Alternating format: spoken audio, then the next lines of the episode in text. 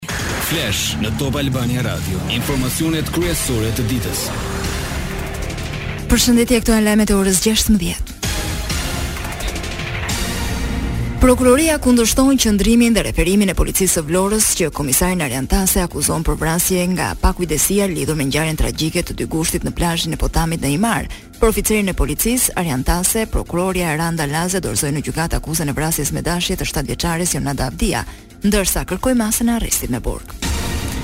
Në këtë mënyrë organi i akuzës Vlorë rëndon gjendjen e të arrestuarit Tase duke iu referuar provave që u mblodhën në vendngjarje. Nuk ka vrasje nga pakujdesia, por vrasje me dashje pasi drejtuesi i mjetit lundrues që rezulton se kishte patentë ishte në dijeni të rrezikut që i sillte qytetarëve kur hyri në atë perimetër.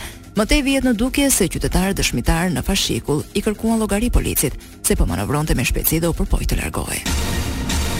Sot në orën 19 protestohet te Ministria e Brendshme me moton nuk e vrau varka po shteti. Partia Demokratike dhe Partia e Lirisë njoftuan mbështetje për këtë protestë që merr shkas nga ngjarja tragjike e dy ditëve më parë në plazhin e Potamit në Himarë. Skafi me drejtues Arjan Tasen oficer policie në Elbasan dhe më pas i përjashtuar goditi për vdekje një vajzë shtatë vjeçe. Në vizita të veçanta ngushëllimi sot në shtëpinë e familjes Avdia në Tiranë ishin Gledis Nano, Sali Berisha dhe Ilir Meta. Drejtori i Policisë së Shtetit u shpreh. Kam marrë pjesë në këtë ngushëllim për t'i shprehur me shumë hidhërim nga shpirti ngushëllimet e mia për humbjen tragjike të fëmijës. Kam ardhur si prind, si qytetar, falënderoj familjen Avdia e cila i mirëpriti ngushëllimet e mia, përveç se çfarë ka ndodhur dhe përgjegjësive, i falënderoj që ngjyrimet e caktuara i kanë lënë mënjanë dhe janë duke vuajtur të gjithë atë çfarë ndodhi. Për kreun demokrat Berisha, kryeministri Rama duhet të shkarkonte menjëherë ministrin Çuçi. Ky akt u krye nga një njeri i qeverisë. Kryeministri i vendit Në vend se të shkarkojë me urgjencë ministrin e Familjes Çuçi, u vërsulet gazetarëve, u vërsulet politikanëve dhe i krahason ata me vampirë politikë. Vampirë janë ata të cilët e morën të gjallë, nxorën të vdekur Ilvi Metën në Kavajë, Enea Ftojën në Korçë, Ardian Kallamin në Shkodër. Vampirë janë ata që vranë tek dera e shtëpisë. Klodian Rashën, Protesta është e qytetarëve. Kryetari i Partisë së Lirisë Ilir Meta kërkoi që çdo qytetar t'i bashkohet protestës për tragjedinë në Himarë. Në moment që duhet të shfaqet pendesa reflektimi në të njëjtin moment na shpallet se Shqipëria qënka sivjet e para në rajon për sa i takon sigurisë në plazhe dhe për sa i takon turizmit. Nuk ka Tallje dhe fyerje më të madhe.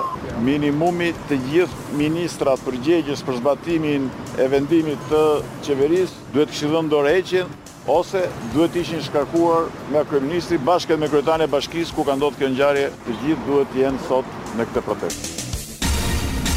Në vendin e quajtur Bishti i Zhurit në aksin Rrogozhinë Elbasan, një Benz përfundoi sot i shtypur nën rrotat e një kamioni. Drejtuesi i identifikuar si shtetasi Ndriçim Dervishi, tridhjetë vjeç, gjeti vdekjen e menjëhershme. ndërsa pasagjeri i autoveturës është në gjendje kritike, shkak u bë parakalimi i gabuar i Benzit. Situata e zjarreve në vend në 24 orë u raportuan 22 vatra, nga të cilat u shuan 16 dhe janë aktive 6. Sipas Ministrisë së Mbrojtjes, vijojnë ato në majë të Zorgjit, njësia administrative e Shalës, Liqeni i Zi, Gërman, Mat në fshatin Shetaj, bashkia Durrës dhe në Dragobi të Tropojës, 562 persona janë angazhuar në betejën me flakët me dyzet e shtatë mjete zjarrfikëse. Siç dihet, zjarret favorizohen nga temperaturat e larta që tashmë prej ditësh vazhdojnë të mbajnë të mbërthyer vendin dhe për sot variojnë nga 16 deri në 38 gradë Celsius. Edhe në vijim vranësira do shfaqen në zonat malore dhe pjesërisht në ulësirën perëndimore.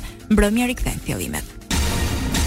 Në disa zona në jug të vendit nesër ka ndërprerje të energjisë elektrike. Operatori i sistemit të transmetimit saktëson se mungesa vjen si pasojë e zëvendësimit të përcjellësve në traktin 110 kilovolt të nënstacionit të Kuçovës.